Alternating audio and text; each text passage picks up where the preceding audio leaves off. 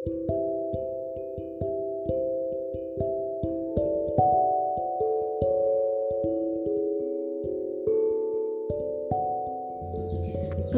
kali masih saja mengingat masa laluku, mencari kesibukan dan mengalihkan fokusku, menuliskan kegelisahan-kegelisahan yang ada padaku.